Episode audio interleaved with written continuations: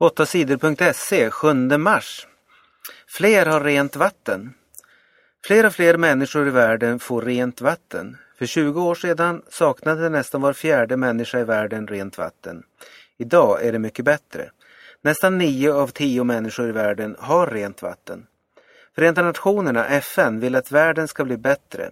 Därför har FN gjort en plan för vilka saker som måste förändras till år 2015. Att nio av tio människor skulle ha rent vatten var ett av målen. Tidigare har FN sagt att kampen mot fattigdomen också har lyckats. Men fortfarande är det stor brist på toaletter. Alldeles för många människor i världen saknar toaletter, rapporterar FN. Folkpartiet vill sänka ungas löner. Folkpartiets ledare Jan Björklund tycker att regeringen har misslyckats med att ordna jobb åt ungdomar. Vi måste granska oss själva och erkänna att vi inte har lyckats. Sverige har högre arbetslöshet bland ungdomar än vad andra länder har, säger Jan Björklund. Björklund vill att företag ska kunna anställa ungdomar till lägre löner. Han tror att företagen kommer att anställa fler unga om det blir billigare. Sverige måste också bli bättre på att ta hand om unga som hoppar av gymnasiet. Det måste finnas korta yrkeskurser för de ungdomarna, säger Björklund. Iran släpper in FNs kontrollanter. Många av världens länder är oroliga för att Iran är på väg att skaffa sig kärnvapen.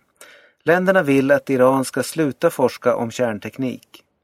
USA och EU-länderna har länge försökt få Iran att sluta med forskningen. I Israel är oron över Irans kärnforskning allra störst. Irans ledare är rädda för ett anfall från Iran. Nu säger Irans ledare att de ska låta FNs experter besöka deras vapenfabrik, Pershin. Experterna i FN-gruppen IAEA misstänker att Iran gör delar för kärnvapen i den fabriken. ISP-chef med under vapenförhandlingarna. Om en svensk myndighet eller ett företag vill sälja vapen till andra länder måste detta först godkännas av myndigheten ISP, Inspektionen för strategiska produkter.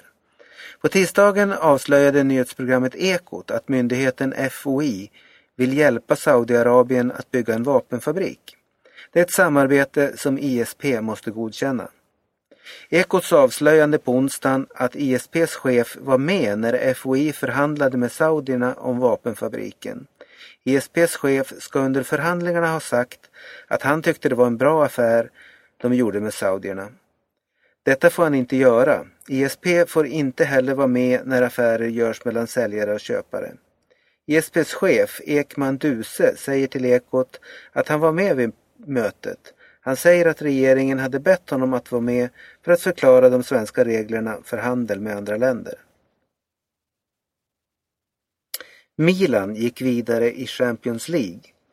Zlatans klubb AC Milan gick vidare till kvartsfinal i Champions League i fotboll. Milan vann för några veckor sedan med 4-0 mot Arsenal.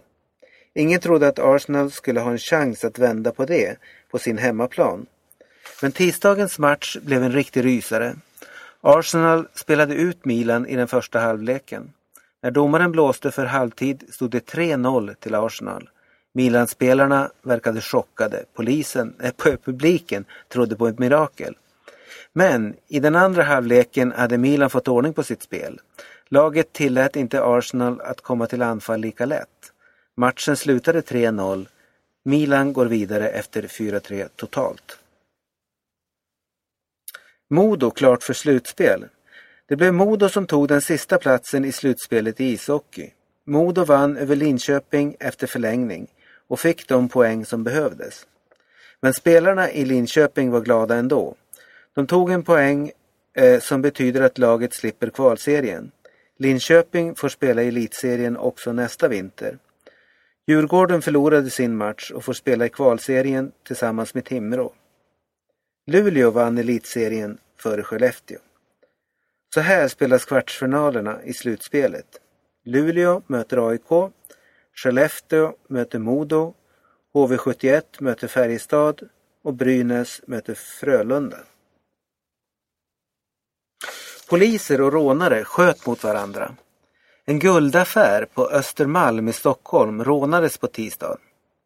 Butikens larm satte igång och poliser kom snabbt dit. Poliserna och rånarna sköt mot varandra. Poliserna sköt flera skott rakt in i ett gym. Minst tio skott gick rakt genom fönsterrutan, säger vittnen. Folk fick slänga sig ner på golvet och ta skydd. Poliserna sköt sönder bananerna som låg på disken, säger en man till Dagens Nyheter. Ingen människa skadades i skjutandet. Poliserna grep tre misstänkta rånare. Romney vann i flest delstater. Mitt Romney blev vinnaren i partiet Republikanernas provval i tisdags. Under den så kallade supertisdagen hade partiet provval i tio delstater i USA. Romney vann valen i fem delstater, bland annat i Ohio, som anses vara en särskilt viktig delstat att vinna. Romney förbättrade sina chanser att bli Republikanernas kandidat i presidentvalet i USA i höst. Men det gick också bra för Romneys svåraste medtävlare Rick Santorum. Han fick flest röster i tre andra delstater.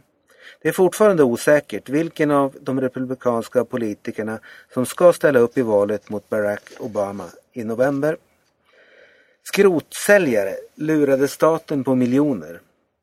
Nio män i Halland och Småland kan ha tjänat miljoner på att sälja skrot utan att betala någon skatt.